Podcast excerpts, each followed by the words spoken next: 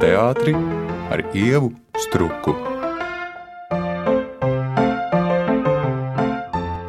Šodien mans raidījuma šņobēniņa viesis būs cilvēks, kurš atbild par tekstu teātrī. Proti, dramaturgs un, nu jau jāsaka, arī režisors, jeb izrāžu veidotājs Jānis Balodis. Sveiks, Jāni! Sveiki, jau! Protams, it kā gribētos teikt, ka es tevi aicinu tādēļ, ka tu esi veidojis arī scenāriju filmai Lielais notikums, un uh, tu biji autors un vispār arī idejas autors izrādē zem diviem karogiem, kas arī bija veltīts grupai Jumprava. Un to pamanīs daudz, varbūt vairāk cilvēku nekā izrādes mazajās zālēs vai izrādes neatkarīgos teātros. Tomēr sāksim par teātri. Bet ar Jumpravu es esmu iecerējis pabeigt šo sarunu. Aha tas, ar ko es gribu sākt, tu esi viens no cilvēkiem, kas ir, varētu teikt, šobrīd visvairāk izglītojies tādā akadēmiskā nozīmē, ko darīt teātrī ar tekstiem, kā tos rakstīt. Tu studēji ne tikai Latvijā, bet arī ārpus tās un uh, atgriezies no studijām Amsterdamā, Teātras augstskolā. Un, uh, kā es to saprotu, bet tev ir iespēja to arī vairāk pastāstīt, ka tās ir tiešām ne tikai dramaturgijas studijas, bet uh, tu mācījies, kā veidot izrādi kopā ar tekstu, respektīvi būt uh, izrādes radītājam no viena punkta līdz otram punktam. Kāpēc tev likās svarīgi, nu, ņemot vērā, ka tu tiešām jaunam cilvēkam varbūt uh, neraksturīgi ātri nonāci jau tādā aktīvā uh, radošā apritē, kāpēc tev likās svarīgi tomēr braukt prom atkal, atkal mācīties un neapstāties pie tā, ka tev ir daudz darba, daudz piedāvājumu un tu varētu rakstīt šeit droši vien tekstus līdz pensijas gadiem? Jā, iespējams, ka arī varētu, bet, uh, bet šķita, ka tāds viens posms vai viens nogrieznis varētu būt noslēdzies. Un, uh, ja laikam jau no paša mācību sākuma, mācoties bakalaurā Latvijā, Kultūras akadēmijā, bija situācija, ka es tos tekstus nevarēju uzrakstīt tā ka es sēžu un kaut kas tur ir, un es viņu izrakstu ārā, bet man patika skatīties apkārt un mēģināt notvert, un meklēt, un kombinēt, un līmēt. Eh, un, eh, Un arī mēģināt ieraudzīt vienmēr kaut kādu to blakus balsi vai citu balsi. Un tas, laikam, tas, kas man saista. Un tad saistībā arī ar izglītošanos šķita, kas vēl bez tā, kas ir apgūts, kā vēl var skatīties, vai kā vēl var palūkoties uz, uz to veidošanu teātrī. Jā, Latvijā, es domāju, tieši vēsturiskā konteksta dēļ mums nav pedagoģiskā praksē tik daudz aprobēta tā performances izglītība. Un pavisam nesen lasīju, pagaidām viņš ir angļu valodā. Krisbergas doktora disertācija par šo intermediālo apropriāciju vēlajā sociālismā. Tas ir latviešu. Kā es to sapratu, tas darbs bija par to, ka Latvijā ir performances saknes, Un uh, Latvijā performance eksistēja paralēli tam brīdim, kad uh, šis virziens attīstījās rietumos. Un Latvijā vienkārši šīs izpausmes eksistēja tā saucamajā otrajā publiskajā telpā, tajā, kas ir tavi draugi un tuvinieki. Ja tu nevari pavisam atklāti to parādīt, tad tu to dari ar cilvēkiem, kam tu uzticies. Un, nu, tie piemēri ir gan Boldrājas gājieni, gan uh, Rundāles karnevāli, oficiāla grupa un tā tālāk. Bet tā blakne tam ka tas ir tajā otrajā publiskajā telpā, ir diskursa trūkums. Ja par to teiksim, neraksta, tik daudz nereflektē, tas ir daudz mazāk arī tad, uh, publiski zināms. Un, kad es pētīju, kas tā programma ir, ka tam ir tā eksperimentālā ievirze, ka tie cilvēki, kas ar to ir bijuši saistīti vai darbojās DAS teātris programmā, kas varētu varbūt uh, iegūt papildus skatījumu uz šo virzienu, lai gan tas joprojām ir teātris, tā nav performance. Bet uh, tam tāda saikne var būt lielāka. Tas manī interesēja, un arī tajā brīdī, kad bija iestāšanās, tad uh, man tas bija diezgan provokatīvs jautājums no komisijas. Nu, kāpēc tu uzskati, ka tu esi mākslinieks, vai kāpēc tu neesi teiksim, tikai tekstu veidotājs, kāpēc domā, ka tu varētu arī būt šī darba veidotājs no A līdz uh, Z? Un tad man tajā brīdī mēģināt noformulēt un pamatot, ka tas ir tas, kas man saista. Un kaut kādā ziņā es to jau arī esmu darījis. Un, jā, un man izdevās dabūt to ieskatu, un lielā mērā ne tāpēc, ka tur būtu pasniedzēji, kas to varēja iedot, bet, kad es teiktu, 50, 60%, ko tu vari paņemt, ir no saviem kursu biedriem. Kad tev ir cilvēki, kas manā gadījumā nebija tikai no uh, Dienvidaustrumāzijas, bet ir no pārējā Atlantijas okeānam, gan no Dienvidu, gan no Ziemeļamerikas, no tuviem austrumiem, uh, no Āfrikas, kur nāk no ļoti citādākām teātra kontekstiem un kaut kādām citādākām savām sapratnēm par to, kas tas ir. Un tad tu vari skatoties, kā šie cilvēki strādā, mācīties un mēģināt noformulēt, kas ir tas, kas man liekas interesants tajā jomā. Un tajos paņēmienos. Un tas tiek uz to virzīts, ka jums jāmācās vienam no otra. Bet uzreiz izriet uh, divas lietas, ko es gribu pajautāt. Viena, vai tu kā Jānis Balodis, izrādes veidotājs, ja performētājs, vai tu nenodari pāri Jānim Balodim, dramaturgam? Un tekstu autoram. Jo tomēr arī tās konkrētās izrādes, izrāda Oh, Dirty Deal teātrā, vai instrukciju izrāde, vai jaunākais veikums, piedarības vingrinājumi. Tu jau dod balsi citiem un savu it kā reducē. Jā, nu tur no tā veidotāja pozīcijas to tekstu daļu, jā, tu pakārto vairāk tam, lai tas kopējais labums iegūtu. Tas notiek diezgan um, organiski, un tam tā vajadzētu būt. Manuprāt, ar Lubānas darbu, ko es veidoju kopienas teātra darbu, Tur gan bija diezgan tādā roku rokā, domājot par to, gan kā tas teksts varētu veidoties un nu, jēdzieniski pamatot ar to formu un ar to domu, bet uh, tas uzsvars bija, lai ir tā jēga tam pašam notikumam. Gribētos izstāstīt to un to un to, bet, diemžēl, dramaturgam ir jāatkāpjas un jānošķērē nost, jo tu vienkārši mēģinājumā redzi, ka cilvēki pazaudējās. Lai gan tev pašam tas liekas, kā dramaturgam, būtu svarīgi, ka to zinātu. Bet kā veidotājs saprot, nē, tas tomēr jāņem nost. Tu ļoti bieži strādājies kopā ar režisoru Walteru Sīli, un Walters tiešām pieder tiem režisoriem, kurš ar sakostiem zobiem un asarām ir gatavs atvadīties no kāda vārda, ja autors to ir rakstījis. Viņam liekas, ka nu, tas autora vārds, principā, ja viņš tur ir, tad tam tur būtu jābūt, un viņš grib Jā. palikt uzticīgs tam tekstam. Un šajā gadījumā es domāju, nu, tad tev gandrīz vai ir ērtāk strādāt ar režisoru, kurš sargā tavu tekstu, nekā būt pašam uh, iestudētājam, kurš ir spiests apdalīt dramaturgu balodi. Jā, jā sadarbībā ar Valteru ir pamats konfliktam tajā situācijā tikai tajos mirkļos, kad pats process varbūt ir stresains, un tad katrs ir uzvilcies par kaut ko un var aizvainoties. Bet es domāju, tas ir diezgan reti bijis. Ir pat brīži, kad Valters varbūt gribētu pat saglabāt, bet man ir tā, nu, laikam jau jāņem nost. Un ir viena, protams, tā aina, kas ir mežainīga, un es skaidri zinu, ka viņi tur nevar ielikt ritma dēļ, un es tur pilnīgi piekrītu, ka viņai nevajag tur būt. Un varbūt viņi ir par daudz paskaidrojoši un tā tālāk, bet priekš manis viņi ir.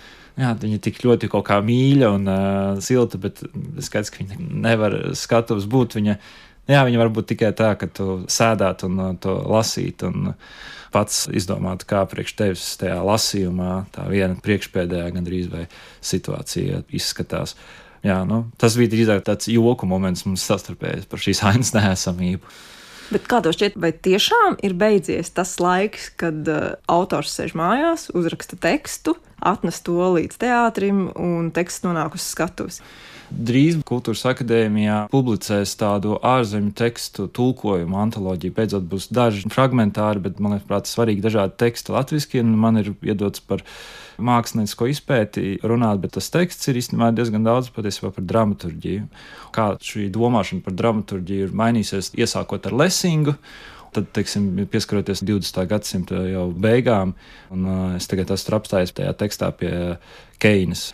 Es domāju, ka nepazudīs. Tajā gadījumā teksti tiek radīti tādi, ka viņi ir tā stipri atvērti, kur varbūt tiešām kā Keinai nav varoņi izdalīti, ainas izdalītas. Tur bija minēti trīs piemēri, kā viņi bija iestudēti studentu vienā izrādē, ko viens zināms režisors taisīja, viņš sadalīja starp tēliem. Tad atkal bija iestudējums, kur bija instalācija vispār. Un bija viena aktrise, bet skatītājs klīst pa telpu un, un redz šo vizuālo, instalatīvo pusi. Un tad ir atkal vēl viens cits veids, kā, ja tāds pieprasījums būtu, kā to nointerpretēt, un režisors kaut ko tādu gribētu, tad varētu arī būt tā, ka tu sēdi un uzradi tādu. Vai arī otrs ir uh, ar pasūtījumu ka tev Nacionālais teātris saka, gribētu par to. Nu, Nacionālais teātris teica, mēs gribam zem diviem karogiem, respektīvi, mēs esam mieru, ka tu gribi zem diviem karogiem jā, rakstīt. Jā, struktūra kaut kur jau bija skaidra vasarā, bet tā rakstīšana bija esot vienam pašam to pirmo semestri Amsterdamā. Bet man vairāk šis jautājums rodas tādēļ, ka, teiksim, veidojot teātrus repertuāru, mēs jau vienalga skatāmies, nezinu, britu labākās lugas, igauņu labākās lugas, var nosaukt jebkuru nāciju, un tu jau nevari paņemt to tekstu, ja tas nav uz papīra, nodrukāts, nezinu, vienalga vai elektroniski vai drukātā veidā, un ja neeksistē teksts kā kopums, tad tu nevari iestudēt britu labāko lugu. Un tas ir tas, par ko es dažkārt domāju. gan labā, gan sliktā nozīmē, kas notiek teiksim, ar šodien radītiem latviešu lūgu tekstiem, vai pastāv iespēja, ka tie tiks iestudēti vai nu šobrīd citās valstīs, vai teiksim, pēc simts gadiem. Nu, kā mēs tagad ņemam jebkuru klasisku darbu. Nu, mm. Ja tas viss būs tāds koprades process bez striktas autorības, vai tu tici, ka ir izdzīvošanas spēja pašam tekstam kā pašvērtībai? Es domāju, ka viņiem varētu dzīvot, bet man liekas, ka mazāk tas būs plaši zināms. Ir lietas, kas ir svarīgas piemēram 20 cilvēkiem. Viņas eksistē tādā veidā, tiksim, veidojot pārdaugavas. Pirmais albums, kas tika izdots no Latvijas ārzemēs, tajā aprakstā albumā ir rakstīts, ka to mūziku regulāri klausās 15, 20 cilvēki. Priekš manis daudz tie veidi, kā skatīties uz to, ko tu dari, bija ļoti noderīgi Kaut kas, protams, eksistē tādā lielākā apritē, kaut vai no tā, ja to paņem un uztaisa Royal Courts. Tas kļūst plašāk zināms, bet varbūt kaut kas ļoti interesants ir Dublinā. Dubliņa jau ir liela, vai ko taisa mana kursa biedra drauga Neokenā, Patagonijā. Es domāju, arī ļoti interesants lietas. Piemēram, kad es to elektronisko mūziku pētīju, tad tas, ko Latvijā dara un turpina darīt, daudziem ir ļoti augstsvērtīgs pasaulē, un, piemēram, Argentīnā. Tie, kas interesējas par to, zina gan visus izdevumus un visus tos mūziķus, kas veido to elektronisko mūziku. Daudz ir ļoti augstsvērtīgi, ka cilvēki, kas to darīja, aizbrauc uz Argentīnu spēlēt. Un, Viņa pārsteigta, ka visi zina, kas viņa tāda ir. Nu, tur mūzikai varbūt arī zināmas priekšrocības. Jā. Ir.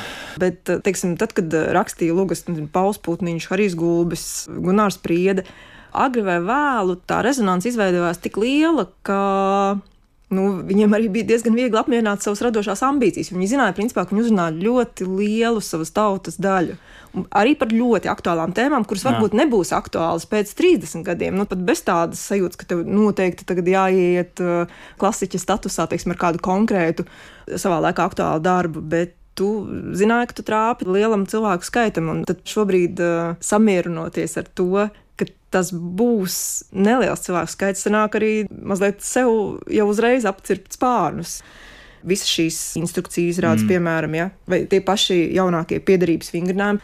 Tas tomēr ir tāds cilvēku skaits, kas mazliet jāpaskaidro, kas aiziet līdz tam pakumātam, saņem tās instrukcijas, piezvana, noklausās. Un es uzdrīkstu tos minēt, nu, droši vien, ka tie nav desmitos tūkstošu. Nē, nē manuprāt, tur uh, 180. Un tā ir kā privāta saruna, kas varbūt arī cilvēkam ir nepieciešama tieši tajā laikā un tajā brīdī. Bet jo ilgāk tu strādā profesijā, vai tev ambīcijas tā kā pieaug, vai tieši otrādi viņas tā kā samazinās.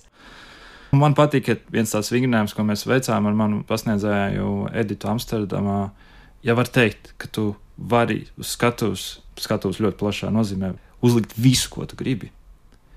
Tad kas ir tas, ko tu izvēlējies? Un, manuprāt, no tās loģikas ir vērts iet. Man saistā, ka es esmu brīvs, ka es mēģinu būt maksimāli sev brīvs tajā, ko es izvēlos. Ka man liekas, ka šo patiešām ir ļoti jēgpilni izdarīt.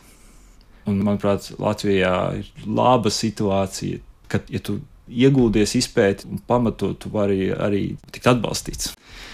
Un otrs ir šis laiks, ka ir grūti pārdot pat desmit cilvēkiem kaut ko. Un tas nenozīmē, ka tagad vajadzētu visu taisīt uz kameras. Nē, Bet man ir kaut kādi daži iekšēji tādi kriteriji, ko es mēģināju nodefinēt, un pie kuriem es mēģinu turēties. Tagad sakot kaut kam jā vai nē, un tas viens ir mans saista. Ja mēs kaut ko darām, tad es darbojos jā, kā visas pieredzes līdzautors. Ja tas ir kopā, tad tā nepaliek tikai mana atbildība, teiksim, tikai tā teksta daļa, bet mēs mēģinām būvēt, dizainēt, kas veidojas tam cilvēkam kā pieredze. Nu, tas kaut kas, ko es saku, jā. Jā, priekš manis šis pilnīgi organiski un veselīgi. Pirmais, ko izdarīt, atbraucot, ir aizbraukt uz Lubānu. par teātri ar ievu struku. Mans viesis ir dramaturgs Jānis Balodis.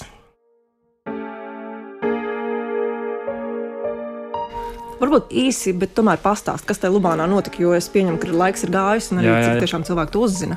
Ir uh, fonds Initium, kas tur tādu rūpi par kopienas izrādēm, kur tas princips ir, ka ir cilvēku grupa kādā vietā, ko mēs varam saukt par kopienu, un sadarbībā ar vai tie būtu teātris profesionāļi vai mūzikas, kas tiek piesaistīti, nu, kas pie tā darba ir vajadzīgi, kopā veidot darbu. Un kvalitātei, kā es to saprotu, kam tur vajadzētu būt, ka nevis tu teiksim, ierodies tajā kopienā un aiznes projām kaut ko, bet ka tu drīzāk uh, nāc tālāk un iedod kaut ko klāt. Bet tas nav tikai la la la, bet ir kādas tēmas, kas nav vieglas, bet svarīgas, un nav tā, ka tu tur tā ļoti komfortabli tikai kaut ko dari.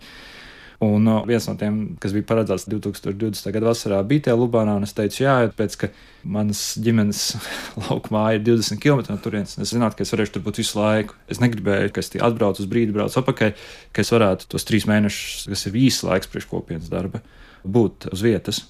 Un īsts tāpēc, ka tev vajag saprast no sākuma, kas tie ir cilvēkiem, un tad saprast, kas būtu tas, kas liktos vajadzīgs kopīgi. Es sapratu, ka man ir par maz tam, Tāpēc es mēģināju saprast, ar ko šie cilvēki jau ir dalījušies publiski. Un tāpēc bija labi, ka bija tā simtgade un bija grāmata simts stāstu par Lubānu, kur daļa bija cilvēku, jau iesūtījuši. Un tad izējot tam cauri, izdevās atrast vienu, kas saistīta. Tas bija par sievieti, kura gandrīz 60 gadus strādāja par meteoroloģisko novērotāju tur. Viņa reģistrēja laika apstākļus, bet principā viņa reģistrēja klimata izmaiņu. Un tas bija viena tā galvenā līnija, un tad bija paša kolektīva to cilvēku stāsti, kur ir viņu saikne ar dabu. Tā bija tāda otra līnija. Un kāpēc man tur gribējās būt? Tur bija ļoti liela motivācija no tiem cilvēkiem to darīt, un tu jūti jēgu braukt. Arī, kad cilvēki grib to veidot. Bet otrs bija, ka, nu, zināms, bija, ka tam jābūt gatavam. Bet gandrīz par visām izvēlēm ir pilnīga brīvība. Tas nozīmē, ka tev arī pašam viss kaut kas jādara, jāsarunā un, un ar ļoti nelielu resursu jādarbojās. Bet tev arī neviens īsti nestāsta. Un tas iedod tev ļoti, ļoti brīvas rokas darīt kaut ko, kas ir svarīgs. Bet paši taču skatās. Protams, tā bija arī izvēle, ka tam ir jābūt priekš tās nelielās pilsētas cilvēkiem. Pat viņa ir uzbūvēta tā, ka tajā pastaigā tev pasaka, uz kur tev nākamo vietu jāiet. Ir. Un pašā sākumā tev pasaka, ka tev jāiet uz veco dzērienu veikalu. Ja tu esi atbraucis uz turieni, tu nezini, tev jāpaļaujas uz tiem, kas tur dzīvo. Un tā sieviete, tā galvenā varone, viņa ir mirusi, bet viņas meita dzīvo tur. Un mēs ļoti daudz ar viņu tikāmies un runājām, un es kā to nojautu. Bet ir pavisam citādāk, ja es teiktu, ka es priekš Nacionālā teātra veidošu darbu, ja es paņemšu kaut ko un aizvedīšu prom. Un tas pēc tam būtu vieglāk, jo tas netiks rādīts šeit. Un ir daudz grūtāk tad, ja tas tiks stāstīts tajā vietā. Un tā iestājās ļoti daudz grūtības pārliecināt, ka būs labi. Un tad bija jā, ko nedrīkst, ko jā. Ja mēs to pārmainām, tad mēs varētu to stāstīt. Tas liekas tik svarīgi. Protams, mēs taisām mākslas darbu, bet tur notiek vēl daudz citas paralēlas lietas. Un tāda gandarījuma, ir liels gandarījums, ka tev izdodas uztaisīt darbu ļoti labi kopā ar citiem profesionāļiem, un tur vēl kaut kāda maģija pielikt. Bet tā ir vēl kaut kāda cita veida gandarījums, kas ienāk klāt. Bet nu, tad es nevaru trešo reizi neatsaukties uz tiem piedarības vingrinājumiem. Šeit, tomēr, tie Lubānā atradies klātienē. Vai nav tā, ka tomēr arī tā klātiene tomēr, tomēr ir tas atslēgas vārds tai teātris vai dramaturgijas vai teksta vai sauc kā gribi performances būtībai.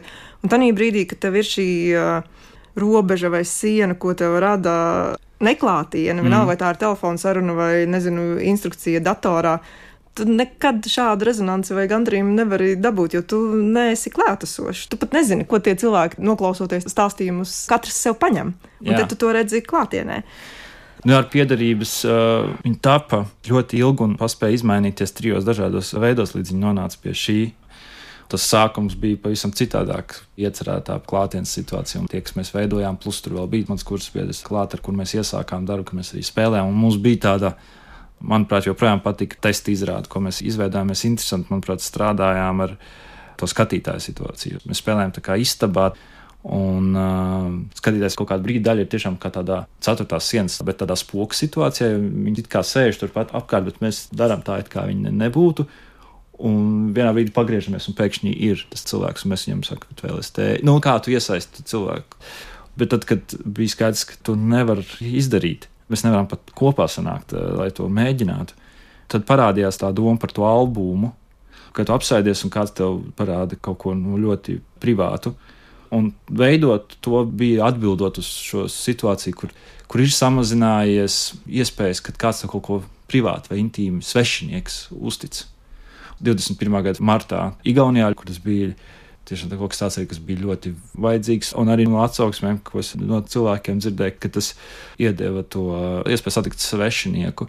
Un es biju ļoti priecīgs, ka projektā arī Latvijā bija Kristīna Kudenko un bija cilvēki Krievu valodā. Un, un diezgan interesants atsauksmes bija no latviešu grupu cilvēkiem, kas, kas bija aizgājuši paklausīties un piedzīvot šos stāstus, kur man ir pieredze bijusi ar Krievu valodā runājušiem cilvēkiem, kuriem ir kaut kāda iemesla dēļ atšķirīgs viedoklis par lietām, kurām var nepiekrist, bet viņus ir ļoti, ļoti grūti dzirdēt. Es varētu piekrist, to es esmu novērojis. Jo es esmu priekš viena darba mēģinājis uzrunāt, un mēs parunājām, bet nekāda intervija, nē, es to nestāstīšu. Un, jā, un tās reakcijas bija ļoti dažādas, protams, arī no tiem, kas no latviešu vidus dzirdēja par dažiem no tiem stāstiem, kas tur um, bija. Par uh, publikas uzklausīšanu vēl teiksim, tu esi gan pats performējis, šoreiz jālieto šis vārds Nacionālās attīstības plānā izrādē. Un tu, nu, kaut arī beigās, bet piedalījies izrādē veiksmes stāsts. Un tad uh, man ir jautājums, vai tu kā aktieris Jānis Balots uz skatuves sajūti attieksmi pret dramaturga baložu tekstiem. Jo parasti nu, dramaturgs redz savu nezinu, pirmizrādi, teiksim, mm. piekto izrādi, bet nu, ne katru. Un tu biji uz skatuves mm. visu laiku. Vai, vai tajā pašā veiksmes stāstā, kas bija ļoti sarežģīta tēma par gan politiska, gan ekonomiska rakstura par ekonomiku Jā. un to, kādai mēs dzīvojam šobrīd, tā kā mēs dzīvojam. Un katram no mums ir tā sava pieredze, vai savs ciešanu pārdzīvojums stāsts, vai varbūt veiksmes stāsts 90. gados. Vai tu uznākdams tās skatuves kaut arī neilgu laiku juti, ko tā publika domā par dramaturgu balodi? Pirms rādē varēja to dzirdēt arī cilvēkus, kurus bija aizskārs Nu, laikam arī beigās tos cilvēkus pie izējas, ka viņi visi mani redz un saprot, kas tas ir. Ar šo darbu varbūt tā arī vajadzēja tieši darīt. Tas līdzīgi kā nu, uzbūvēt inženieru tiltu un tad apakšā stāvēt, tā, kad brauc pāri. Tas, protams, uzsita adrenalīnu tāds aizkaitinājums, tad daudzos bija, jo tika uzdots jautājums par tām vērtībām, kam cilvēki tic. Un Valters, manuprāt, precīzi uzlikt to fokusu un noformulēt. Mēs runājam par vērtībām, tas ir vērtības un izvēles, kā veidot eh, saimniecību, kā veidot dzīvi. Var rasties arī aizskārums, ko mēs tur pasakām, vai mēģinām parādīt kaut kā citu virzienu, varbūt. Bet tad, kad tu performē, tev ir jāmēģina iet uz to, ko vajag sasniegt. Nu, man tas bija piemērs ar attīstības plānu Tallinā.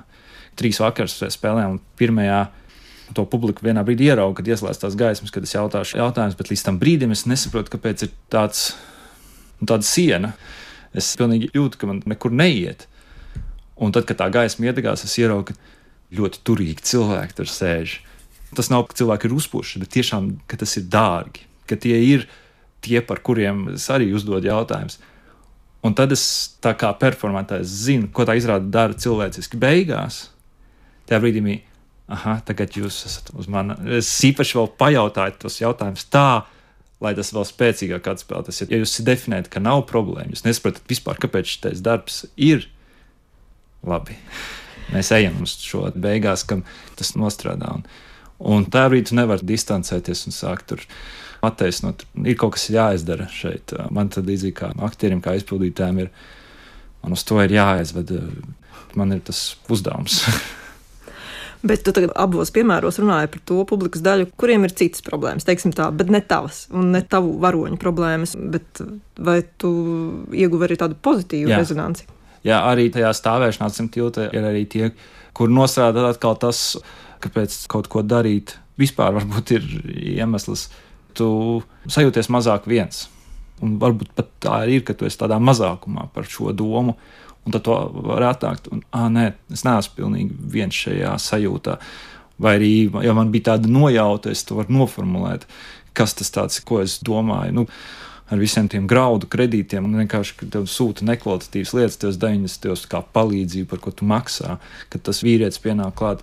Jā, es strādāju tajā brīdī ostā, tas tiešām tā bija mums atsūtīt, par ko ir dārgi samaksāts, un to nekur nevarēja likt, un es tur biju, es tur strādāju, es pieņēmu to, un es to visu redzēju. Nu, jā, Paldies, ka tas arī izstāstīts. Tā ir daļa no manas pieredzes. Vai ir pieaugušiem, kas darbojas citās zonās, bet uh, pēc ģenerāla mēģinājuma bija vīrietis, kurš pienāca, jā, jūs kā izstāstījāt man dzīvi, paldies. Tā kā tīsmā tas, ko tagad jautāju, tas ir viens kritērijs, ko es mēģinu atrast katrā darbā, ka tas visbiežāk nav uzrakstītājā. Ir arī dažas lietas, kas jūt, cik forši paldies, ka tā uzrakstīts ir kritikā. Uh, bet kad kaut kā no viena cilvēka kaut kas tāds.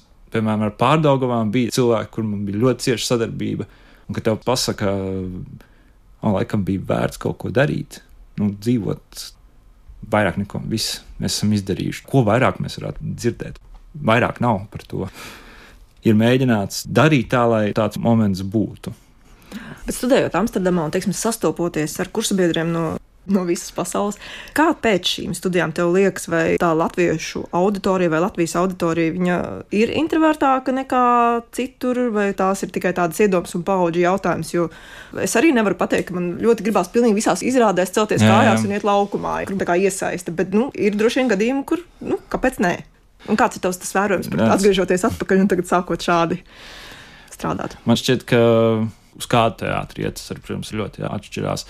Amsterdamas situācija ir arī ļoti dīvaina. Ir, ir ļoti internacionāla un teiksim, atšķirīgs tas, ko veido cilvēku grupa, kas dzīvo tur, bet ir nākuši no citām vietām. Tā ir um, viņu mājas šobrīd. Un tad atkal tas, kas ir tāds holandisks, holandisks. Tur arī ir atšķirības. Tad, kas ir ārpus Amsterdamas, tur vēl parādās, kā ko skatās un starp pilsētām saistībā ar to performansu, no otro publisko telpu un kaut kādu diskursu trūkumu, palīdzētu tas, ka tu novērtē procesa skatīšanos. Teātrī ir vairāk zināms, kā tas beigsies. Bet, ja tu runā par performanci, kurā kaut kas radās tajā brīdī, tā ir tāda nērta situācija, bet tam ir varbūt tas, ka mēs varam kaut ko kopā saprast. Bet es varu to sajūt, ka mēs nezinām, kā šis vakars konkrēti beigsies redzēt kaut kādu vērtību tajā, un tas nav vienkārši dabīgi, tāpēc ka tas nav bijis, tas nav varējis būt pat. Un es būtu pret tādu pašmērķīgumu vienkārši procesa dēļ. Un es esmu arī pret kaut ko restaurēt no pagātnes un taisīt eh, performances muzejus. Bet jā, kā ar to procesu darboties? À, te nav, teiksim, luga pamatā, te ir kaut kas cits. Labi, kā mēģinam ar šo piedāvājumu darboties. Tā tas teātris tad var būt patiešām teātris. Mēs esam šajā telpā, un kā mēs to telpu turam. Un, un, un tas, manuprāt, ir man, galvenā doma, ko Lēmans tur rakstīja. Ka teātrim jābūt teātrim, nevis kino. Kino ir savs, bet mēs esam šajā telpā. Rezumējot, nav runa par latviešu raksturu, bet drīzāk par teātros skatīšanās pieredzes tradīcijām un jā. to, kā tās var pamainīt un vienkārši dažādīgot. Jā, jā ar kādu to iestatījumu tu atnāc un uh, kā es mēģinu, un nevienmēr sanāk tāds jā, kas te ir, es labprāt esmu atvērti šim, un tad ļaut redzēt, kur tas ved.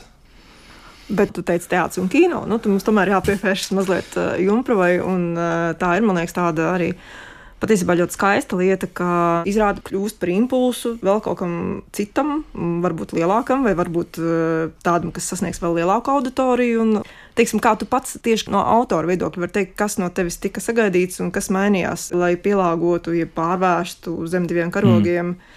kino scenārijā, ko mēs visi gaidām. Nu jā, es biju klāt, ka mēs mēģinājām būvēt to skeletu 20. gadā, es nezinu, kā tas ir tiešām šobrīd attīstījies. Lielas līnijas bija no tā, kas jau bija atrasts veidojot teātra darbu. Viena man liekas, es nezinu, vai to paturēs un kā to paturēs, un likās, priekš kino uzbalstīt varbūt uz tā rakstura vairāk un ņemt šo grāveru stāstu un traģisko situāciju pirms tās jumpravas un pašās jumpravas veidošanas sākumos. Ar, ar bērnu piedzimšanu, ar tuvākā cilvēka zaudēšanu un to situāciju, kas tur izveidojās ar tiem tuvākā cilvēka vecākiem. Tā informācija publiski nonāca. Tas nav nekāds liels noslēpums, kas iedod zināmā mērā tam varonim kaut kādu dzinuli, sākt kaut kādas lietas darīt un sāpīgas, kas tev ir jāizvēlās. Tur tā vērtība, man liekas, tad parādās klāt. Tas, kā vismaz tajā brīdī likās, varētu būt forši, ja tas tā ir paturēts, saglabāts, tad man šķiet, tur var iegūt to plusiņu, bet es nezinu, protams, kā tas tālāk. Un noslēgumā no dramaturga viedokļa, kurā no Junkravas dziesmām tu saredzi vai saredzēji rakstot šo darbu vislielāko dramaturgisko potenciālu tieši dziesmā? Dziesmā? Jā. No upe. Jā, upe bija atslēga. Jā. Ar visu izrādē iesaistīto cilvēku darbu, tā dziesma tika atkal citādāk pacelt. Viņi neskandēja priekšplānā kaut kā. Man šķiet, arī tajos izpildījumos, koncertos, kas bija. Bet, um, tur bija tā doma, tur neko nevajadzēja daudz izdomāt. Tur arī vienkārši paskatīties, kā viņš uzreiz studijā izpildīts. Nu, labi, jā, liels paldies, ka atnāci uz šņurbēniņiem. Mans viesis bija dramaturgs, un ne tikai dramaturgs, bet arī izrāžu veidotājs Jānis Balodis, un ar jums sarunājās Ieva Struka, raidījuma producente Sandriņa Zvecka. Šņurbēniņi